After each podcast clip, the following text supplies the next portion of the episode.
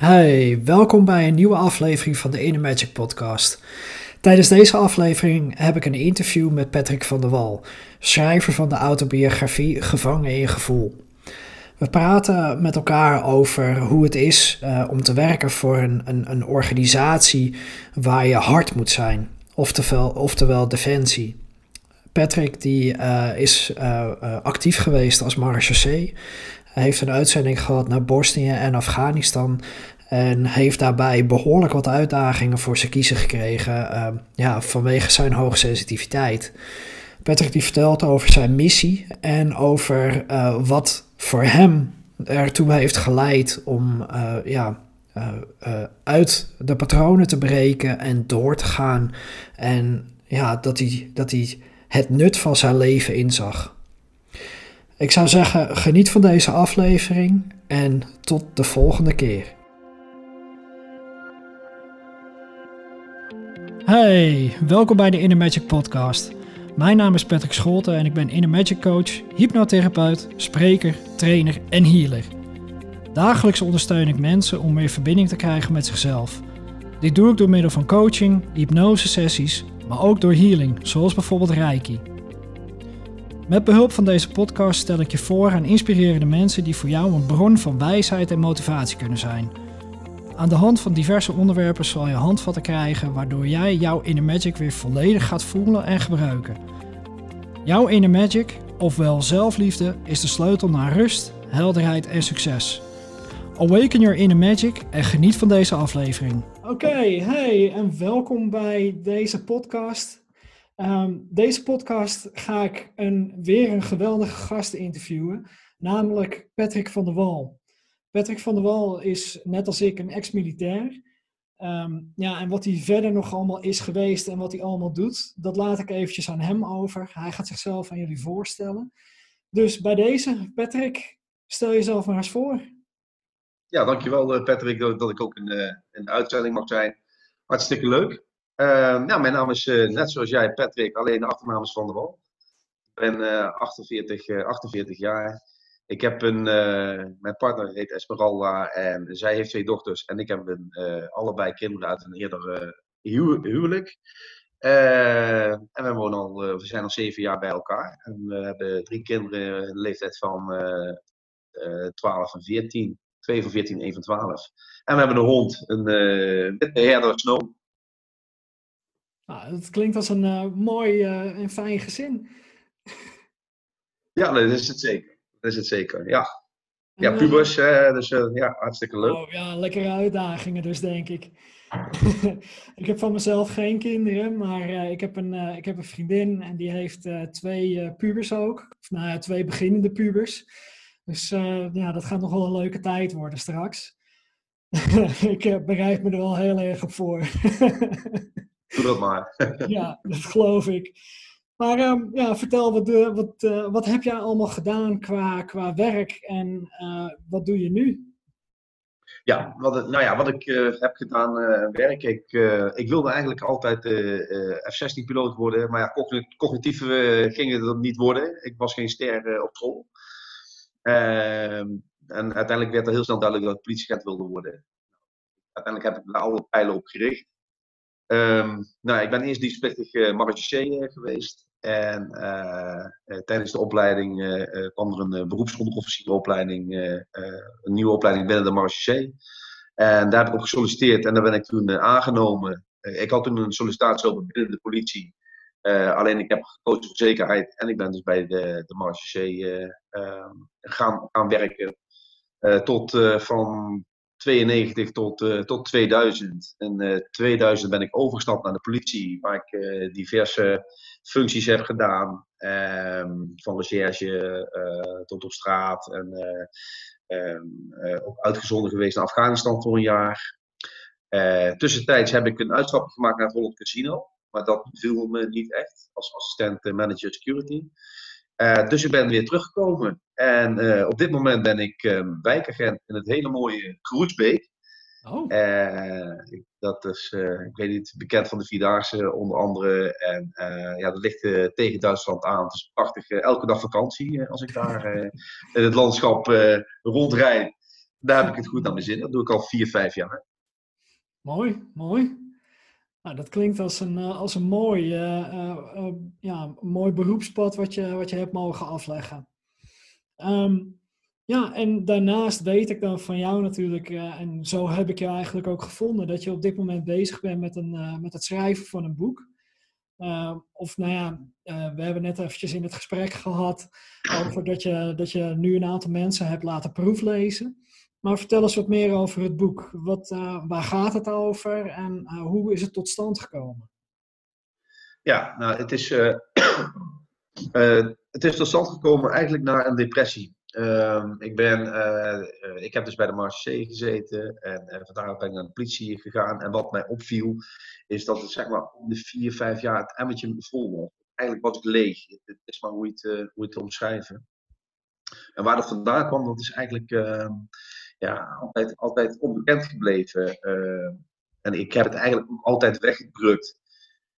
Dus het was zo om de vier, vijf jaar was nou ja, misschien een week ziek of, of twee weken. En, uh, en dat, dat, dat kwam steeds terug. Ik was wel altijd in de zelfhulpboeken gedoken om te kijken van hey, hoe ben ik nou als mens? Uh, uh, ook misschien komen we daar zo nog op. Mijn jeugd was, was niet standaard. En, en ehm, mijn beleving daarbij ook niet als, als kind. Um, toen ben ik in 2016 ben ik, kwam eigenlijk van de een op de andere dag ben ik, kwam ik het bed niet meer uit. Um, en en er was iets veranderd in mijn hoofd, in mijn hele systeem. Um, ik, was, ik was op. Echt op. En, en dat was eigenlijk wel uh, heel dramatisch, omdat ik. ik kwam er niet meer uit. En dat werd alleen maar slechter en slechter. Nou, dan ga je een soort van molen in ziek thuis bent, ja, dan, dan wordt het verwacht van, van uh, wat, wat, wat is de diagnose. Hè? Ik bedoel, een burn-out is een heel algemeen uh, woord. Hè? En dat, dat, dat, dat is een vastgesteld iets, maar er wordt wel verwacht dat je binnen, na, binnen een bepaald termijn weer terugkeert. en, en dat je beter wordt. En dat was in mijn geval dus niet zo. Mij ging het alleen maar slechter. En wat er dan gebeurt, en daar gaat het ook over, is de stempels. Je bent ja, ik was in Afghanistan geweest, ik was in Bosnië geweest. Nou, de nodige dingen ook gezien en meegemaakt, ook in het werk als politieagent. Kijk, dan wordt er snel, snel al geschakeld naar diagnose PTSS. Ja. waar ik absoluut ook natuurlijk voor mezelf ook, ook nagedacht heb, kan dat wel. Nou dat, dat is een hele, een hele reis geweest ik, ik kreeg niet de nodige aandacht die ik graag zou wil, willen hebben in die tijd, omdat ik, ik kreeg een beetje lucht van dat ik hoogsensitief mijn, mijn vriendin Esmeralda, die, die zei op een dag, was al twee maanden thuis van Patrick, volgens mij je hoogsensitief. Nou, dat was voor mij het begin, dat ik zelf mijn eigen weg ging zoeken in oké, artsen kunnen zeggen dit is het of dat is het in hokjes houden, maar ik voelde echt iets anders. En daar ben ik mee aan de slag gegaan. Dus ik heb eigenlijk mijn eigen, ja, niet, niet op wetenschappelijk onderzoek gedaan naar mezelf. Waarbij ik heel duidelijk uitkwam dat ik hoogsensitief en, en, en daarbij ook nog een hoog, high sensation seeker, HSS. Waarbij ik dus ook de prikkels opzocht. En dat is een dodelijke combinatie eigenlijk als je, als je stabiliteit zoekt als structuur. Ja. Uh, ik heb uiteindelijk de prikkels opgezocht in, om eigenlijk mezelf te ontlopen en weg te vluchten van mezelf. Eh, door juist eh, die, die bevrediging te zoeken in spanning. Ja. Ja, herkenbaar. En daar schrijf ik een boek over en mijn hele zoektocht, uh, als het ware, vielen heel veel puzzelstukjes plek. Alleen het probleem is, en, en daarom beschrijf ik het boek ook voor mijn collega's, en voor iedereen natuurlijk, hè, um, maar dat een aantal zaken gewoon nog niet worden erkend. Um, wij, wij de, zeker de, de, medische specialisten, die uh, diagnosticeren over het algemeen nog steeds op uh, het DSM-5-handboek. Ik weet niet of je dat kent. Nee. DSM-5 is, de, dat is het handboek waar, waar alle disorders in staan. Uh, alle psychische stoornissen. Juist. En het probleem is van, of nou het probleem is geen probleem, daar staat bijvoorbeeld PTSS, borderline, ADHD, allemaal wel bekend. En dat zijn allemaal wetenschappelijk onderlegde stoornissen. Alleen het verschil als je gaat kijken naar hoogsensitiviteit, dat is geen stoornis namelijk persoonlijkheidskenmerk.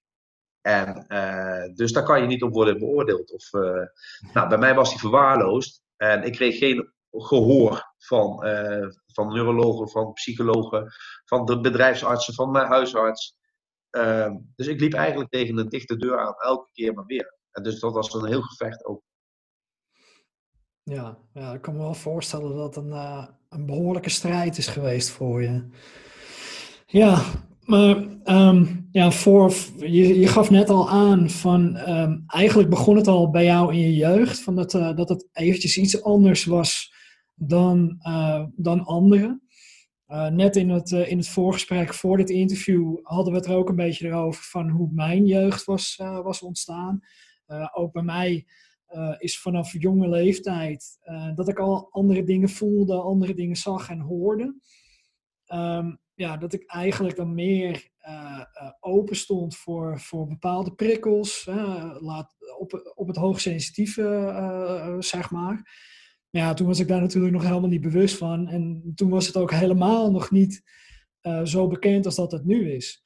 Um, ja, mijn, mijn ouders die reageerden daarop uh, van uh, laat mijn jongen maar even nakijken. Die hadden me toen weggestuurd naar de psychiatrische dagopvang om eventjes doorgelicht te worden. Maar vertel, hoe, hoe is dat bij jou gegaan? Was dat bij jou ook al op jonge leeftijd dan uh, dat je daar ja, meer merkte, meer voelde van, van het hoogsensitieve of spiritualiteit bijvoorbeeld? Of, nou, vertel. Ja, nou, het, het je, je, wordt geboren als je geluk hebt en uh, dat je nog een, een tijdje mag, uh, mag rondlopen. En dan uh, ontwikkel je jezelf als eigenlijk, en dat begint daar in de buik van, van je moeder. En, en, dat is gewoon wetenschappelijk bewezen dat, dat je al als embryo en, en, als je je ontwikkelt, dat je al dingen al mee kan krijgen. Ja. je, je, je, je, voelt je, je, je moeder aan en dat, dat nog gelukkig dat is zo wetenschappelijk ook wel, uh, wel onderlegd. Uh, nou, ik ben geboren, mijn ouders waren, waren jong, 22, 23 jaar oud, en toen kwam ik. En nou ja, eigenlijk heb ik gewoon een normale opvoeding gehad in die zin. Alleen dat ik al zo, zo lang als, me, als ik me kan herinneren, had ik altijd last van nachtmerries. Hm. En die heb ik op de dag van vandaag nog steeds. Ehm, en dat waren leven, voor mij levensechte nachtmerries de ouders wisten eigenlijk niet zo heel goed, ja, ja jouw ouders, jouw moeder stuurde je naar een psychiatrische dagopvang. Maar mijn ouders, die, die ja, ik was Patrick en dat was het. Ik was nu niet heel apart of heel gek. Ik trok me regelmatig terug, omdat ik alleen wilde zijn. gewoon lekker mijn eigen fantasie. Ik had veel fantasie, veel poppetjes met van Playmobil poppetjes spelen. En mijn hele eigen beleving en wereld had ik daarbij. Ja, goed, en dan, en dan ga je richting de puberteit. Wat ik wel merkte, die nachtmerries die leven. Ik weet niet of jij mij nog kan horen. Ja, ik hoor je. Ik zie je niet meer. Oké, ja. Nou, in ieder geval, uh, dus uh, ja, ik, ik, ik groeide op. wat al heel snel bekend, wat heel snel aanwezig was, was mijn onzekerheid. En ik kreeg heel snel een rode, rood hoofd en ik blokkeerde heel snel. Ik had echt een beetje twee gezichten. Gezicht wat ik niet wilde zijn. Ik had echt een, eigenlijk een, vond ik mezelf helemaal niet aardig. Ik vond mezelf geen, geen fijn mens. een soort continu latent gevoel van, van schuldgevoel waarvan ik niet wist waar dat vandaan kwam. Hmm. maar ik droeg het wel met me mee. Ehm, nou ja, goed. Dat, uiteindelijk had ik een droom. Hè, dat was wat ik straks ook al zei. Ik wilde F-16-piloot worden, maar dat zat er niet in. Ik, had mijn MAVO'tje met veel pijn en moeite gehaald in vijf jaar. Wel op D-niveau met een pretpakket, zodat ik uiteindelijk ook politieagent werd, later. Via een omweg via de marché. Maar ik bleef altijd op een bepaalde manier bleef ik, onzeker en bleef het een hele lage zelfbeeld aanwezig.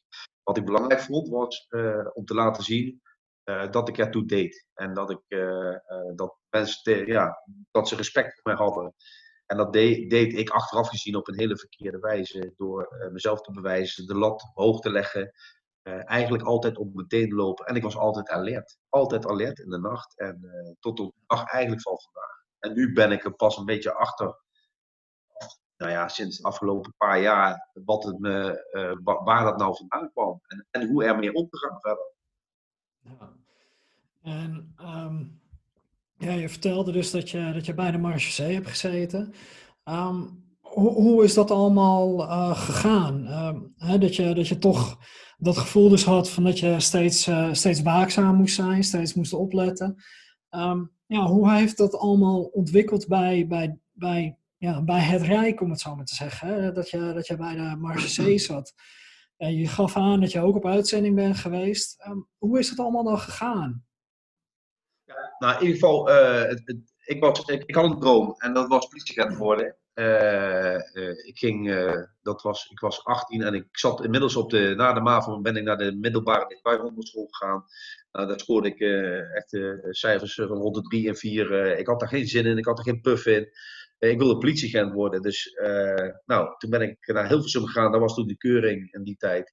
En daar kwam ik een heel eind, totdat ik op een gegeven moment de psychologische test kreeg de, met een psycholoog, ik was overal doorheen. Uh, dat ik nog te jong was. Nou, dat, dat heeft me zoveel pijn gedaan. Mijn, mijn droom viel echt in duiken. En uh, nou ja, anderen zeggen van en doorgaan. Maar dat was, nee, ik had er heel veel last van. Nou, toen ben ik uh, ook van school af gegaan. Nou ja, ik moest wel, want ik, de cijfers die lopen er niet om. Een negatief opzicht. Dat ik, uiteindelijk heb ik me toen nog in de dienstplichttijd heb ik me vrijwillig opgegeven voor de dienstplicht. Toen kwam ik ehm, als dienstplichtige bij de Marge. En daar hadden ze mensen van nodig. Dus ik was ontzettend trots dat was het begin eigenlijk van het ontwikkelen van mijn ego. Ah. Dus kijk eens, ik zit bij de Marty En uh, dat, ja, dat was een beetje ja, vals ego eigenlijk. En, en, uh, maar ik, ik, ik had een hele leuke tijd. Uh, toen ben ik gaan solliciteren bij de politie. En inmiddels, wat ik aangaf, is dat ik. er kwam een nieuwe opleiding bij de Marché, waar je direct binnen twee jaar onderofficier kon worden. Dus een soort KMS, Koninklijke Militaire School. Ja. Maar dan binnen de Marechaussee. En, en dat was een hele nieuwe lichting. Uh, maar dat deden duizend mensen deden er Om de bij de duizend uh, sollicitanten deden daar mee. Ja, ik, nou ja, ik denk, ik was inspecteur Marché, dus ik, maar ik had zoveel trots en dat ik dat wilde. En ik, ik ben eraan begonnen. En uiteindelijk na een jaar ben ik direct aangenomen. Kennelijk heb ik wel iets uitgestraald dat ik, dat ken ik nog wel, een beetje dat strijdlustige wat ik, wat ik in mij heb, dat trotse. Mhm. Wat overigens minder is geworden, maar uh, op een positievere manier dan dat het was. Uh, toen werd ik aangenomen en toen werd ik onderofficier. En toen dacht ik dat ik er was. Maar, dus ik, heb, uh, ik ben een opleiding ingegaan. En al snel kwam ik erachter. Ik zat in een klas met ja, allemaal ex-militairen. Maar twee burgers van de 36. ik was in die tijd, de dienstplicht had mij geen goed, goed gedaan. Ik was inmiddels moddervet geworden. En veel biertjes drinken, veel, veel vet eten. En, uh, dus ik heb ontzettend veel moeite gehad met, uh, met de opleiding. Uh, dat, dat was voor mij. Ik, nou, sterker nog, ze wilden me van mijn afleiding verwijderen. omdat ik op een negatieve manier opviel en uitstraalde. Ik kwam niet echt goed mee. Ik blokkeerde ook echt. Hè, als ik bijvoorbeeld in de klas zat en voelde gewoon het kaderleden gewoon een hekel aan. Sommigen. En uh, ja, binnen Defensie, je kent het ook, als ze de pik op je hebben, ja, dat is heel, uh, dat is heel vervelend. Ja, ja dan heb je een uh, giga-uitdaging, absoluut. Dan heb je een uitdaging, ja. Ik, ik, omdat ik altijd, en dat heeft te maken met hoogsensitiviteit, denk ik onder andere een heel groot rechtvaardigheidsgevoel had. En, en heel allergisch ben voor onrechtvaardigheid. Wel, ondanks het feit dat ik niet de beste was in de klas. Sterker nog, een van de slechtste. Maar ja, die heb je, ook, die heb je er ook bij zitten. Uh, hadden ze geen ogen voor mij en wilden ze me verwijderen. Nou, toen ben ik echt gaan vechten en ze hebben mij een aantal De, de, ze hebben, de luitenant heeft mij uiteindelijk van die opleiding willen verwijderen, maar wel op grond van zaken die niet klopten. En toen ben ik de strijd aangegaan. die heb ik gewonnen en ik werd direct bevorderd en ik kon mijn opleiding afmaken. Dus het was voor mij een struggle. En met name ook de velddiensten, de bivak, omdat ik altijd alert was. Ik sliep niet. Ik sliep gewoon ik kreeg geen rust. En, uh, en dat heb ik eigenlijk al heel mijn leven gehad. Dus ik moest het echt onder reserves doen. Wat voor iemand heel simpel is, om even lekker zijn oogjes dicht te doen, een slaapje te doen. Ja, dat, dat kreeg ik gewoon niet voor elkaar. Dus ik was altijd alert. Dat is trouwens mij later onderzocht. En het blijkt dat mijn, mijn hersenen continu alert zijn. Dus je komt eigenlijk niet tot rust. En dat is heel slecht natuurlijk voor jouw lichaam en geest. Absoluut. Ja, dus ik heb, het, ik heb het wel gered in ieder geval. En ik werd onderofficier. Dus uh, ja, lange neus. Ja, joh, wat een, wat een uh, behoorlijke uitdaging heb jij dan mogen hebben. En je gaf net wel een beetje aan van, dat, je, dat je nu nog steeds daar last van hebt, van, van die waakzaamheid. Is, is dat nog steeds wel heel erg aanwezig of heb je daar een, een weg in gevonden? Uh, het, het, is iets wat je gevormd hebt gedurende je, ja, van kindzijde tot, tot nu. Ik ben 48 nu. Ehm, nog steeds een beetje kind eigenlijk. Dat is ook wel heel raar. Dus, ja, ik weet niet hoe je je moet voelen als volwassene. Ik weet, misschien herken je dat wel. Dat, dat, is ook wel heel erg leuk, moet ik zeggen. Dus ik, maar, maar, maar goed, dat terzijde.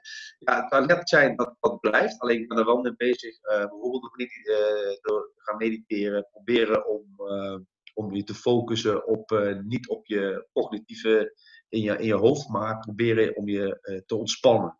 Ja. dat ontspannen, dat, dat is heel belangrijk daar kan ik nog wel wat, wat vorderingen in maken. Omdat ik mezelf heb aangeleerd om, om zo te functioneren. En dat is heel lastig om, dan kom ik straks misschien nog wel even op hoe dat dan bij mij is gegaan. Uiteindelijk toen ik heel zwaar depressief thuis kwam zitten. Want dat was natuurlijk wat ik al aangaf. Dat was nog wel een missie, missie op zich. Ja. Ehm, waar, je, waar je uiteindelijk mee geconfronteerd wordt. ja, nee, ik ben minder alert en ik kan me iets meer, meer ontspannen en mezelf overgeven. Gelukkig. Ja, inderdaad. Dat is wel heel erg fijn. Nou, hoe ging dat dan tijdens, tijdens uitzendingen? Hoe, uh, hoe ging je daarmee om? Nou, de, de eerste uitzending, dat, uh, dan ga ik, pak ik hem even terug naar de dag dat ik net bevorderd. Dus ik had de opleiding afgerond. Uh, ik had toen een relatie met, dat was eigenlijk mijn eerste vriendin. Ik was 21, zij was 16. Maar wel al redelijk ontwikkeld voor, voor haar leeftijd. En uh, ja, ik, uh, ik, was me niet bewust hoeveel ik van haar hield eigenlijk. Uh, dus het, na de opleiding werd ik geplaatst in Nijmegen.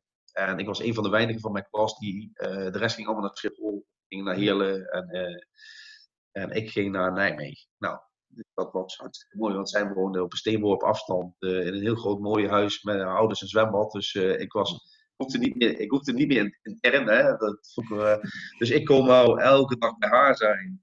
Dus het mooie was die dag, dat was een van de mooiste dagen. Nou, een van de mooiste, maar een, een van de mooie dagen in mijn leven is dat ik uh, een onderofficier werd en uh, alles achter me kon laten. ik naar huis ging en met haar ouders en familie nog, met mijn vriendin, naar het mooie Cancun ging naar Mexico. Dus dat was een mooie afsluiting en dat was ja. geweldig mooi. Zeker. Totdat ik thuis kwam totdat ik thuis kwam. Uh, ik nooit meer, kwam thuis. En uh, de Vierdaagse, hè, de Nijmeegse Vierdaagse, die dit jaar niet doorgaat helaas. Uh, ja, is groot feest. Dus uh, ik, ging, ik had echt behoefte om ook met mijn vrienden naar de stad te gaan. Nou, dat vond, vond zij niet zo mijn plan. Maar goed, ik ben eigenwijs, dus ik vaarde mijn eigen koers. Ben, die avond ben ik, ben ik toch naar de stad gegaan. Nou, de volgende dag uh, toen, ben ik, uh, toen wilde ik naar haar toe, maar toen wilde zij nog een keer een stap met mijn vriendinnen. Dus, uh, en dat was een nacht dat ik op een gegeven moment droomde dat mijn Volkswagen Golf gestolen werd en dat zij bij me wegging. Oh. Eerst, en ik, ik, werd wakker met een heel slecht gevoel, heel opgejaagd gevoel. Het eerste wat ik deed is naar buiten kijken en gelukkig mijn auto stond er nog. En uh, ik was heel de ochtend bezig om haar te bereiken. En uh, dat, dat, ze lag nog op bed. En uh, nou, uiteindelijk kreeg ik een telefoon. En ik voelde. En toen vertelde ze dat ze verliefd was op een ander. En dat was voor mij een begin van eigenlijk wel een depressieve periode. ik was blij, ik had alles. En totdat zij wegging. En dat heeft mij zoveel geestelijk pijn gegeven. En dan, waar mensen mij niet begrepen. En, mijn vrienden zeiden, Pet, maak je niet zo druk van. Er zijn meer, uh, meer, of, uh, meer vrouwen dan kerktorens.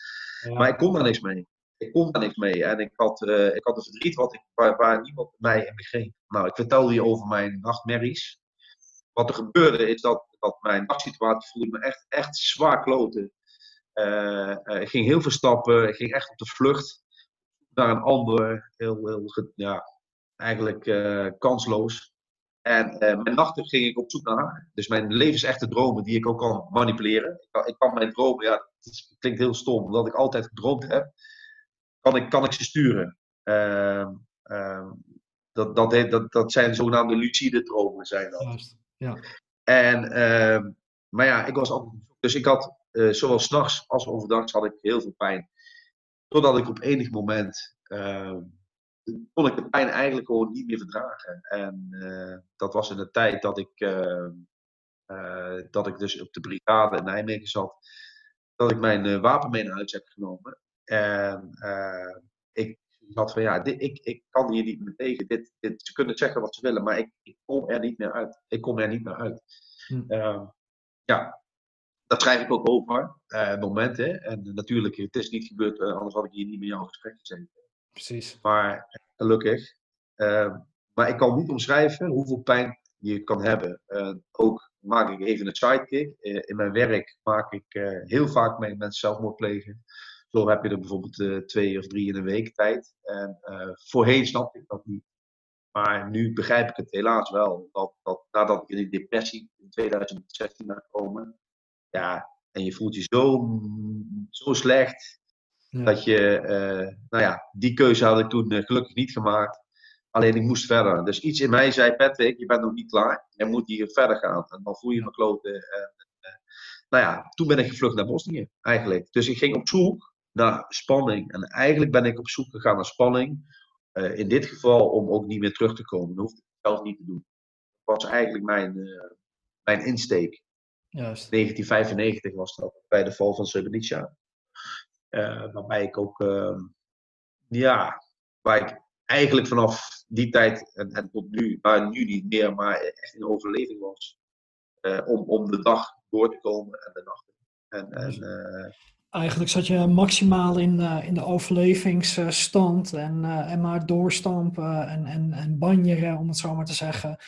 Om uh, niet om te hoeven gaan met, jou, met jouw gevoel op dat moment. Ja. ja. Ja, man. Je, je verhaal van, van wat je net zo vertelde over, over die vriendin, dat, dat raakte me. Want eigenlijk in het begin van mijn dienstperiode, of dienstperiode, dat ik uh, beroeps was geworden.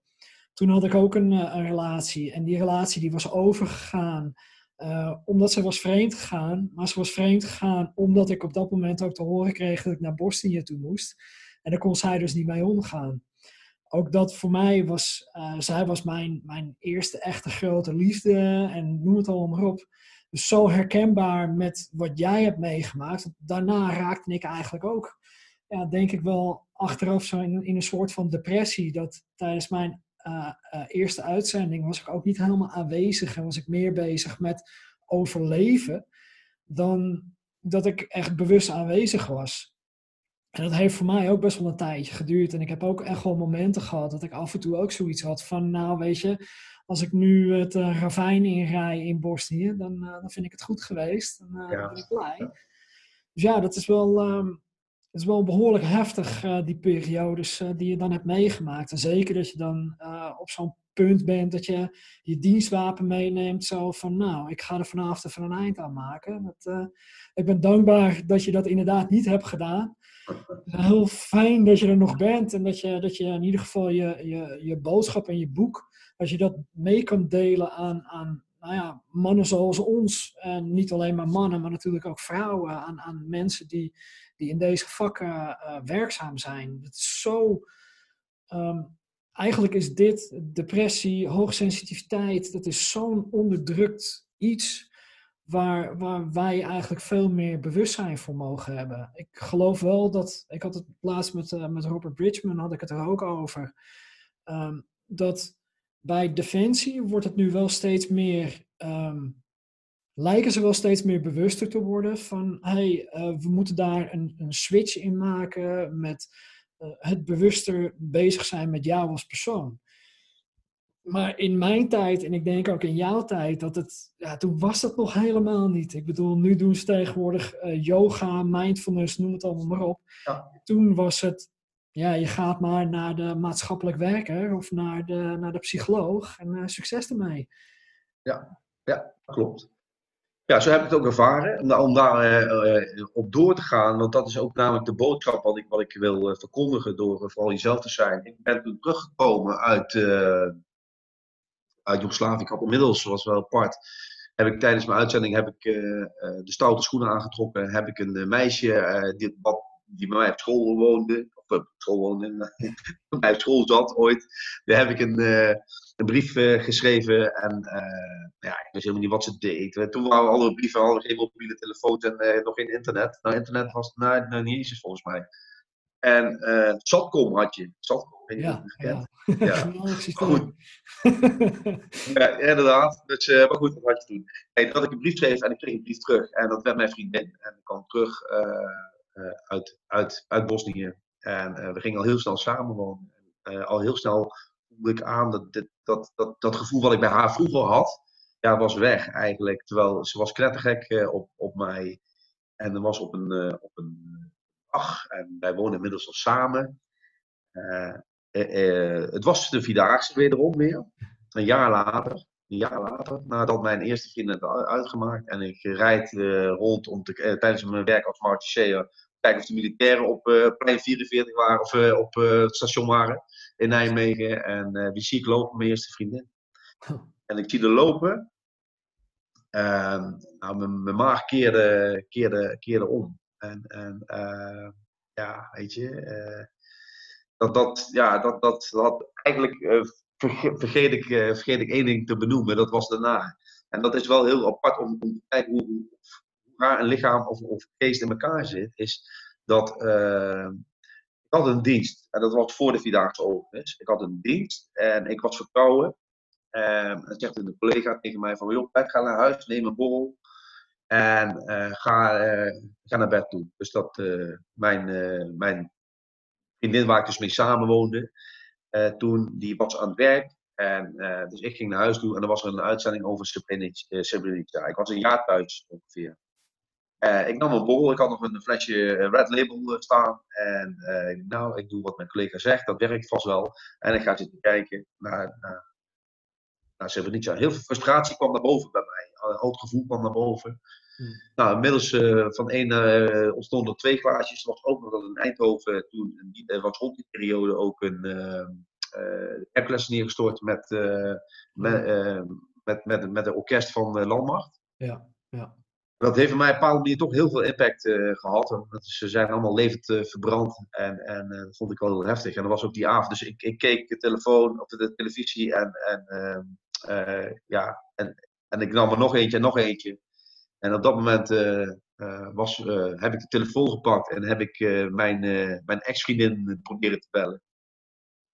ja.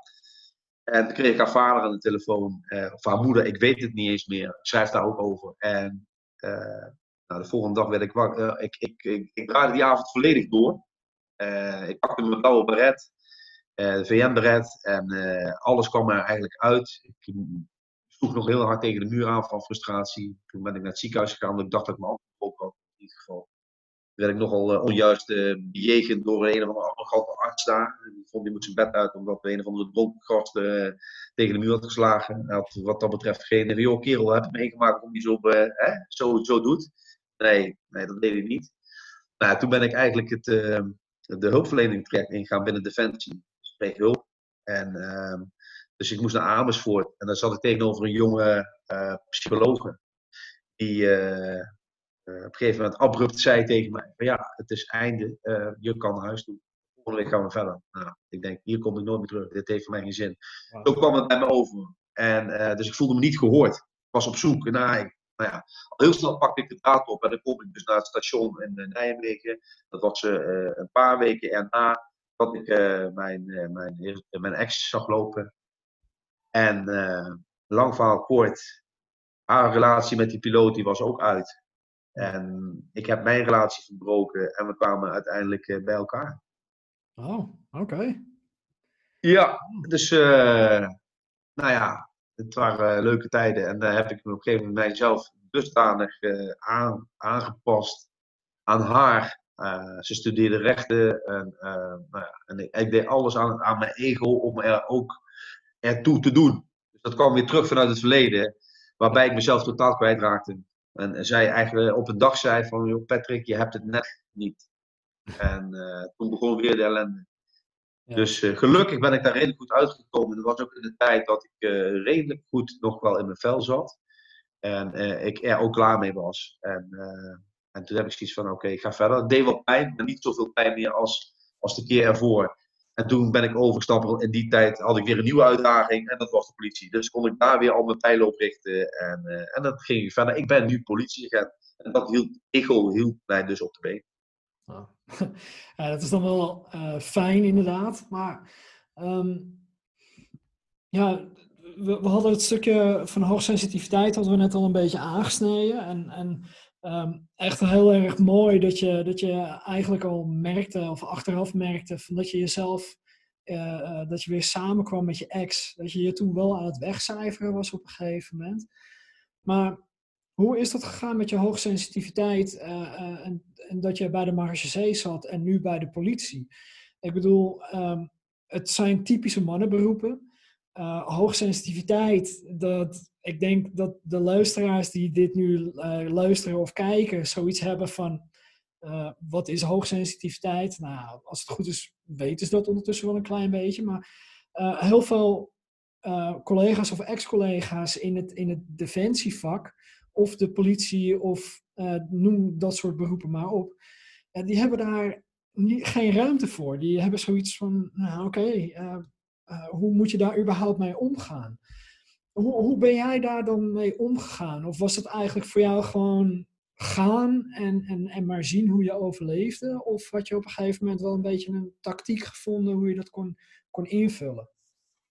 Nou, ik, ik, ik ben me nooit bewust geweest van, uh, van mijn hoogsensitiviteit. Hè? Uh, eigenlijk tot, tot een aantal jaar geleden. Ehm, dat ik zo diep ben, ben geweest dat ik het op een gegeven moment ook echt weer niet meer zag zitten. Daar ben ik dus uitgekomen en dat kan ik wel. Uh, ik, ik ben uiteindelijk, want daar zit hij uh, voor mij wel. Uh, PTSS is wat dat betreft een heel hot item binnen defensie en politie. Ja. Daar moet nog, nog heel veel in, in gebeuren, maar vergeleken een aantal jaar geleden denk ik wel dat we de goede kant op, op gaan. Alleen denk ik nog wel dat er nog te veel gestigmatiseerd wordt en te veel stempels worden gebruikt om een beestje naam te geven. En, en, en daar kom ik zo op. Kijk, uh, toen ik thuis zat zitten, uh, toen, toen, wilde men een label hebben. Ik heb dat label niet uh, aan, aangebracht, aan mezelf in ieder geval niet.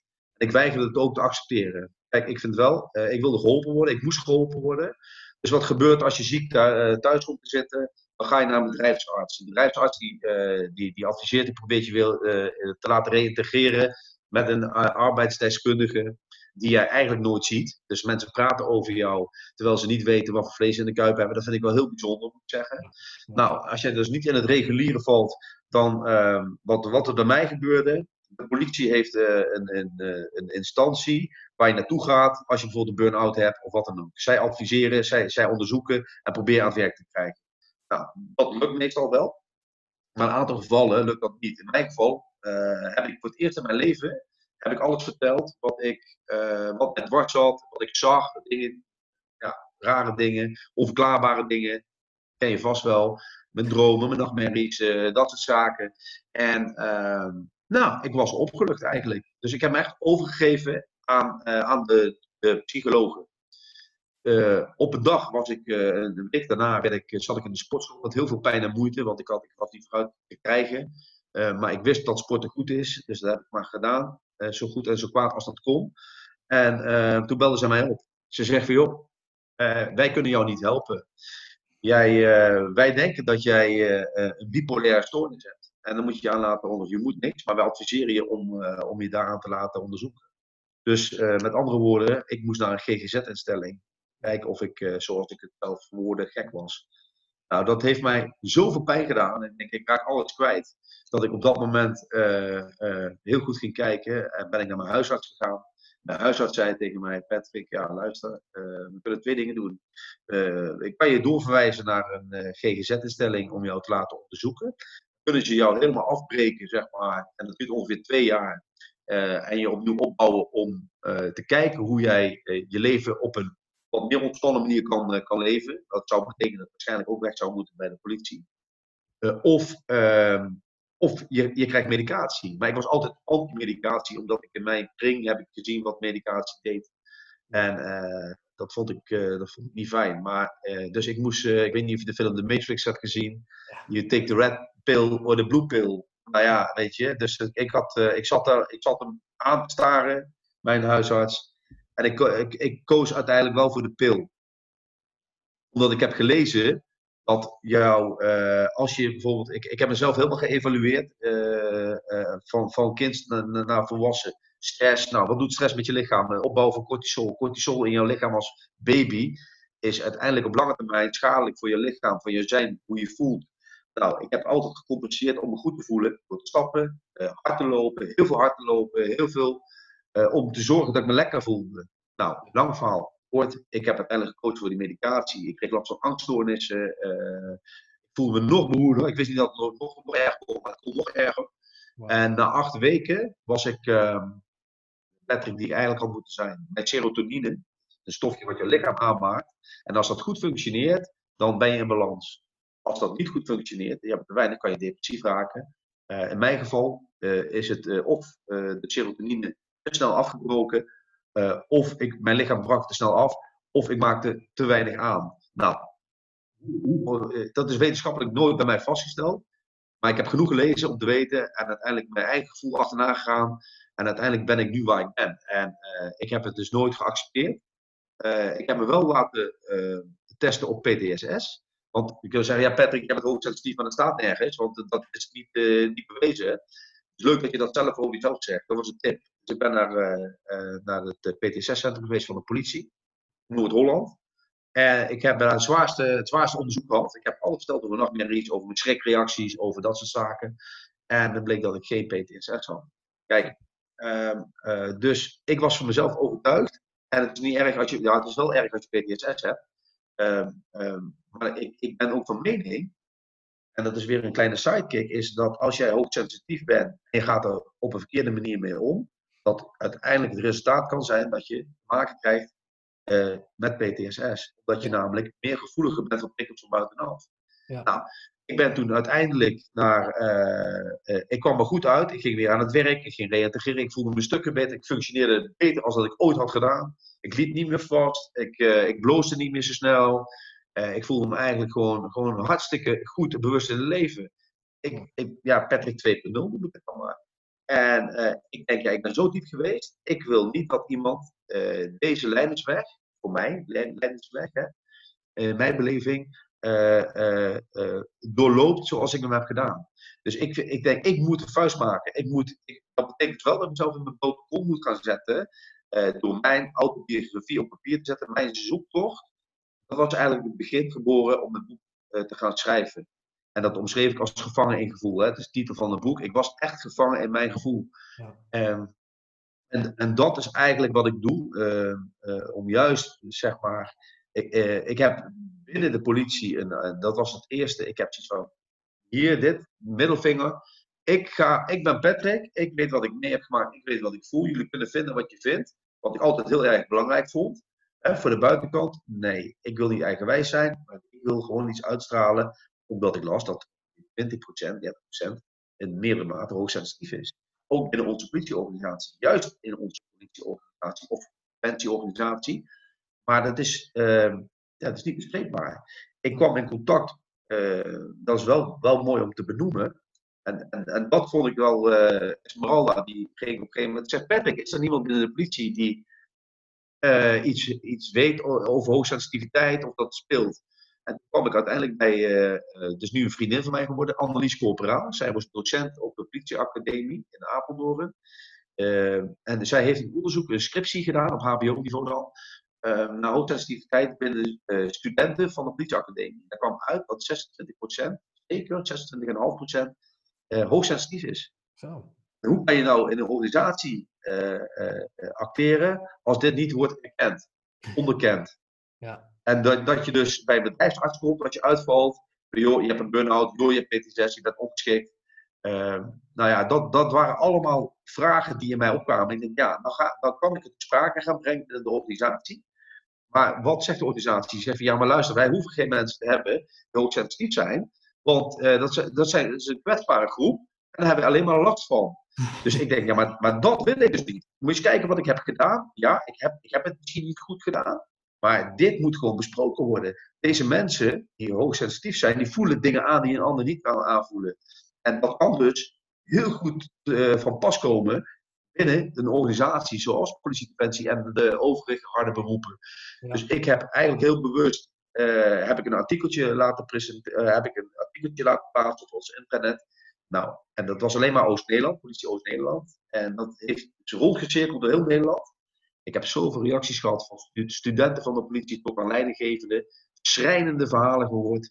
Mensen die uiteindelijk in de outplacement gingen. En, denk, ja, en ik was de enige die nog gewoon operationeel is. Ik denk, ja, maar joh, dit is mijn gezicht. Dit ben ik. En ik ga voor jullie ga ik strijden. Wauw. Super. Ja, het, is, het is inderdaad precies wat jij, wat jij zo zegt. het is zo'n zo'n ondergeschoven kindje, dat, dat, uh, dat HSP, dat ja, in, in, in die harde organisaties is er gewoon geen ruimte voor. Althans, er was geen ruimte voor. En daarom is het inderdaad zo belangrijk dat mensen zoals jij, uh, ja, mensen zoals ik, uh, en, en, en zoveel anderen die er ook mee bezig zijn, om, om dat inderdaad meer naar boven toe te brengen. Want het is zo, zo belangrijk. En ik geloof ook dat het in deze tijd, uh, überhaupt, hè, de, de, de tijd van nu, uh, mensen worden steeds bewuster, mensen gaan meer naar zichzelf kijken. Nou ja, met deze coronaperiode worden heel veel mensen daartoe ook gedwongen om, om nog verder in zichzelf te gaan kijken van, hey, wat is dit nou? Ja, dan kom je er toch op een gegeven moment achter dat je misschien net even iets anders functioneert dan een ander persoon dat doet. Maar ja, als jij dan inderdaad in zo'n beroep werkt zoals dat jij dan nu doet bij de politie, uh, zoals dit ik dan heb gedaan bij, uh, bij de landmacht. Ja, dan, dan ja, je, je, je, moet aan bepaalde stempeltjes voldoen. Althans, dat denk je vaak. Van, hey, ik moet uh, in, als man zijn, moet je dan de stoere man kunnen uithangen. je moet je emoties kunnen uitschakelen. Dan noem het allemaal maar op. Hè. Zolang je maar niet dat hoogsensitief omarmt dat idee dat krijg je, althans, dat heb ik gekregen. Van ja, die ruimte is er niet. Je moet uitschakelen, dat hoofd uit, of naar het hoofd aanschakelen, het hart uitschakelen. Ja. En, en, en gaan.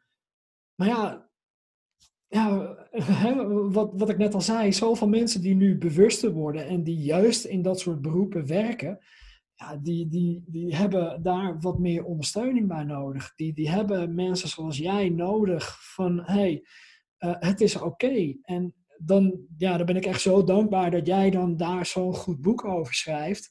Of dat je die al hebt geschreven en dat die binnenkort dan uitkomt. Want ja, hoe, hoe geweldig is dat? Dat kan je tenminste aan mensen overhandigen. Dan kunnen ze dat gaan lezen en dan kunnen ze, ja, uh, noem het jouw jou, jouw lijdensweg. Hè? Zo is het wel geweest eigenlijk. Daar kunnen ze dan van leren en dan kunnen ze herkenning bij vinden inderdaad. Van, hé, hey, oké, ik ben niet de enige. Dus het is oké, het mag er zijn. Ik mag hierin verder uh, ontwikkelen en verder groeien. Dus ja, dat is zo mooi dat, dat mensen daar nu bewuster van kunnen en mogen worden. Ja, ja het mooie is. Sorry. Nee, nee, nee, ga door, ga door.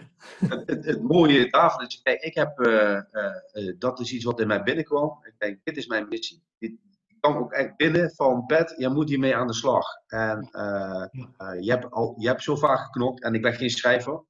Um, althans, ik heb ge, ge, geprobeerd om mijn, mijn verhaal, hè, autobiografie is best lastig te, te, beschrijven, want ik ben ja, geen bekend persoon, dus dat is ook helemaal niet interessant wat, wat ik heb gedaan. Um, maar uh, het is wel een begin, dat is ook wat je aangeeft, van hoe belangrijk is het om het bespreekbaar te maken. Kijk, ik wil mezelf niet in een hokje zetten. Kijk, want, want dat, dat je jezelf schaart onder, eh, joh, ik ben ook ja, ik ben divers. Iedereen is divers. Ja. Uh, maar, maar mag er geen ruimte zijn uh, voor iemand die net een gevoel iets anders is, wat ook een heel sterke eigenschap zou kunnen worden, waarbij je al direct uitgesloten wordt, bijvoorbeeld. dat zou voor mij een, een, een vriendelijk zijn. Ik zie het gewoon gebeuren nog binnen de politie dat, dat, dat je een selectie zou gaan, gaan, gaan maken. Dat je mensen die hoogsensitief zijn op de voorkant al, al uh, absorbeert. Dat, dat, dat is iets eh, wat ik dus niet wil. En dat hoeft ook helemaal niet. Nee. Helemaal niet. Maar ik, wat, wat wel moet, is ik ben met mijn chef een hele aardige man verder. Uh, maar, maar niet, niet uh, hoogsensitief, ex-militair, marinier. hele, hele fijne man. Maar ik ben op een gegeven moment ben ik eraan toegegaan. En in de Volkskrant stond echt een mooi stukje over hoogsensitieve personen. Uh, prima artikel vond ik. En die heb ik uitgeprint en die heb ik aan hem gegeven. Hij is gaan lezen, dat wel. Ehm, hij, hij, zei, je hebt me getest, hè? je hebt uh, één blaadje heb je uitgedraaid. Uh, dus ik ging in één keer naar bladzijde 4. Dus oké, dus hij heeft wel gelezen, dat is dan wel mooi. En toen zei ik, waar ik heel veel moeite mee heb, is de nachtdiensten.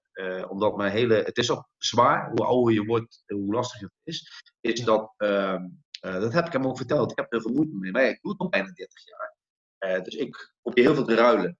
En, en daar is verder niks mis mee. Hij zegt maar, ja Patrick, als, als ik bedrijfsvoering moet runnen uh, en 20% van mijn personeel is hoogsensitief en die kunnen geen nachtdienst draaien, dan kan ik, geen, dan, dan, dan kan ik niks. Ik zeg maar, hoor jij wat je zegt? Jij stigmatiseert al, jij gaat er al vanuit dat elk hoogsensitief geen nachtdienst kan draaien. Bijvoorbeeld. Ga eens kijken, ga je er eens in verdiepen. Nou ja, ik, en dat is eigenlijk het begin dat ik het ook bespreekbaar maak bij mij op de werkvloer. Waar er hele mooie gesprekken ontstaan met jonge collega's, met oudere collega's die zich in één van mij kwetsbaar durven op te stellen. Hmm. Ik denk van ja, zie je nou wel. En uh, zelfs mijn directe omgeving uh, is zo mooi. En dat wil ik wel vertellen. Ik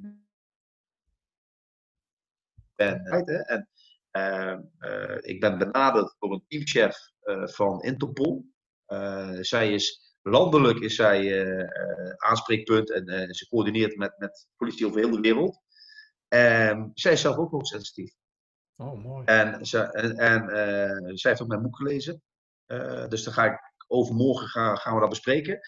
En zij zegt, Patrick, ik kan me niet voorstellen dat dat ook niet speelt in, bij de internationale politiegemeenschap. Dus ik ga, ik ga kijken wat ik voor je kan doen. om het te laten vertalen in verschillende talen. Dus kijk, het speelt niet alleen in Nederland, nee, het speelt over heel de wereld natuurlijk. Ja. Alleen het is wel, het is wel zo wil ik wel benoemen. En jij bent ook in Bosnië geweest. Jij bent, ik ben uh, nou, Afghanistan geweest, net zoals ik. Uh, die mensen zijn daar aan het overleven. Dus die zijn niet bezig met hoogsensitiviteit. Wij zijn wat dat betreft een heel verwend uh, land. waar wij wel tijd hebben aan. Ja. tijd hebben om je, je, te verdiepen in, je, in jezelf. Ja, Hè, dat is natuurlijk wel zo. En, ja. en nou ja. Dus, dus eigenlijk. ja, er is een hoop, hoop werk te doen. En ik ben naar mijn korpschef gegaan van Oost-Nederland, Oscar Dros. En ik heb hem gewoon een mail gestuurd. Joh, heb jij dit en dat speelt er over hoogsensitiviteit bij de collega's? Hij, zei, dat, hij mailde mij terug. Dat is interessant. Dus een paar dagen daarna zat ik met hem koffie. Uh, hij schrijft mij, uh, zijn voorwoord in mijn boek. Hij heeft mijn boek gelezen. En daar ben ik wel heel erg blij mee. En, uh, hij ziet daar er is ruimte. Er is ruimte. Gelukkig is er ruimte. Ja. En ik zal niet eerder rusten voordat, uh, voordat het eigenlijk een onderdeel wordt, ook, ook voor bedrijfsarts en, en, en dergelijke, die, die zeggen: oké, we moeten misschien toch, toch daarna gaan kijken. Ja. Ja, inderdaad. Ik, ik denk ook dat het zo belangrijk is dat er gewoon meer bewustwording in organisaties komt wat dat betreft. Dat ze, uh, hoogsensitiviteit is geen ziekte. Uh, maar het is wel degelijk iets wat, je, wat, je, wat jou als persoon zo kan beïnvloeden. Wat zoveel uh, ja, kan ontregelen in een persoon. Dat er inderdaad wel een, een officiële erkenning voor mag zijn. Dat, dat mensen daar inderdaad veel bewuster van mogen zijn. Dus ja, ik vind het echt heel erg mooi waar je, waar je zo mee bezig bent. En wat je dan nu al aan, voor elkaar aan het krijgen bent. Echt chapeau. Ja. Dankjewel. Dankjewel. Um, nou, we zijn bijna aan het einde van, uh, van deze aflevering alweer. Um, nou, zoals ik net al aangaf, hè, jouw boek. Uh, je hebt uh, mensen nu proef laten lezen. Dus je bent nu aan het afwachten, neem ik aan, op de reacties. Um, die moet je dan nog gaan verwerken, neem ik aan, in je boek. Ja. wanneer verwacht je dat, dat het boek op, de, op de plank komt? En hoe heet het boek ook weer? Ze zei net wel de titel, maar misschien dat de mensen dat niet zo hebben gehoord.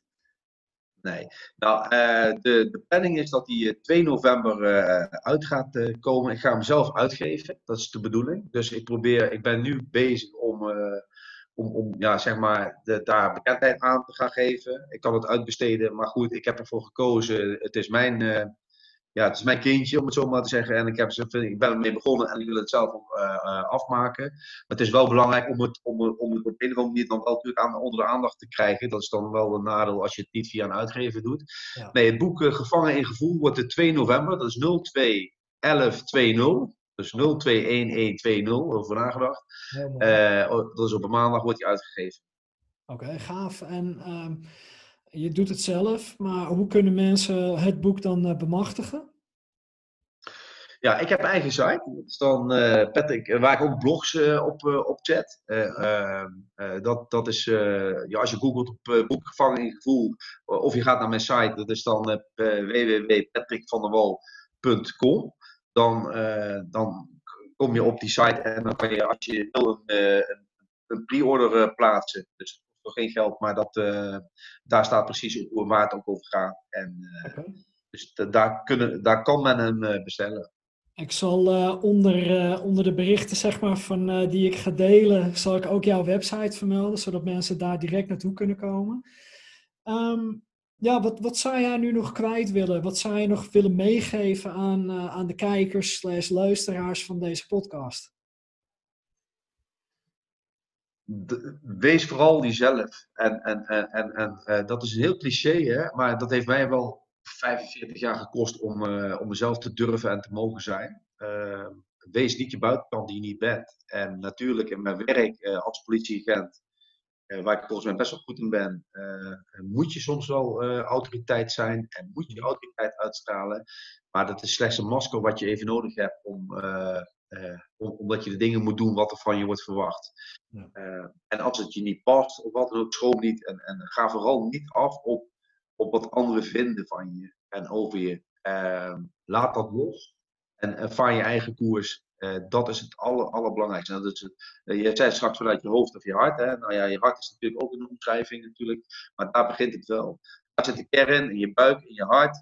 Uh, en als je, als, je, als je dat laat spreken, ja, dan, dan ben je al eh, op de hele, hele goede weg. Ja, absoluut. Ah, mooi, heel mooi gezegd. En uh, ja, hiermee wil ik dan eigenlijk ook uh, deze aflevering afsluiten.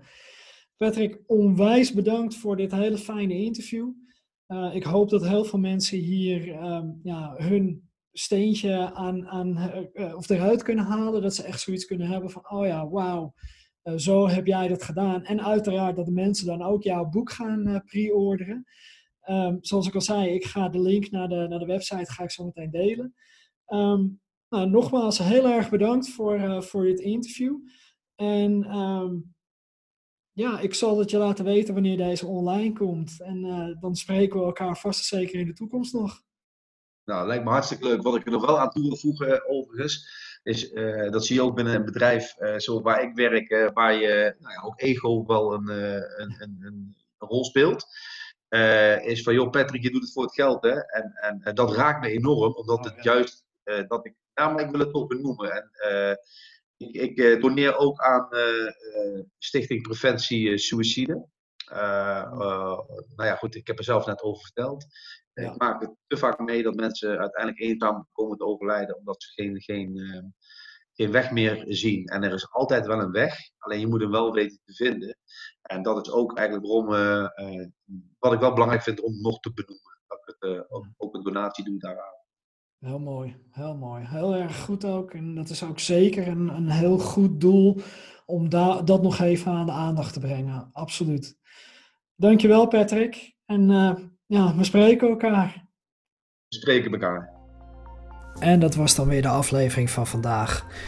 Ik persoonlijk vond dit ook weer een heel mooi gesprek samen met Patrick. Naast dat wij naamgenoten zijn van elkaar, uh, vond ik ook dat wij behoorlijk wat gelijkenissen hebben in het, uh, ja, in het traject van onze leven. Um, uh, Patrick die heeft dus behoorlijk wat uitdagingen gehad op een relationeel vlak, waarna hij dan eigenlijk in een depressie is beland. En ja, om eerlijk te zijn, dat, zoals ik dat al aangaf in de podcast, heb ik zelf ook zo'n soort gelijk moment gehad dat ik um, ja, eigenlijk net voordat ik naar mijn eerste uitzending ging, dat mijn relatie toen ook overging. En eigenlijk belandde ik toen ook wel in een depressie. Ik ben daar nooit voor, uh, voor uitgekomen, maar als ik daar achteraf zo over terugdenk, dan denk ik toch echt wel dat ik een, een behoorlijke depressie heb gehad. Het heeft voor mij ook best wel een tijd geduurd om daar overheen te komen. Um, ja, Patrick en ik liggen eh, met heel veel zaken eh, op één lijn, zoals dat je wel hebt gemerkt. Wij vinden het allebei onwijs belangrijk om uh, jou, de luisteraar, ondersteuning te geven in, in het proces van bewust worden en bewustzijn. Um, hiervoor bied ik ook trainingen aan. Um, ik bied ook op mijn website een, een vijf stappenplan om op de plaats rust te komen. Um, met dit vijf stappenplan krijg jij vijf tips om jouw dag goed en krachtig te starten. Um, hoe jij jezelf stiekem slim kan maken, maar ook hoe jij je dag weer rustig kan afsluiten. Ga naar mijn website, naar patrickscholten.com. En op de startpagina vind je al een inschrijfformulier om uh, ja, je naam en een e-mailadres achter te laten. En dan krijg jij direct een e-mail in jouw uh, mailbox met daarin uh, de downloadlink voor het vijf stappenplan. Dus ik zou zeggen, Ga direct naar mijn website, schrijf jezelf in en kom weer op de plaats rust. Tot de volgende aflevering en leef in liefde en licht.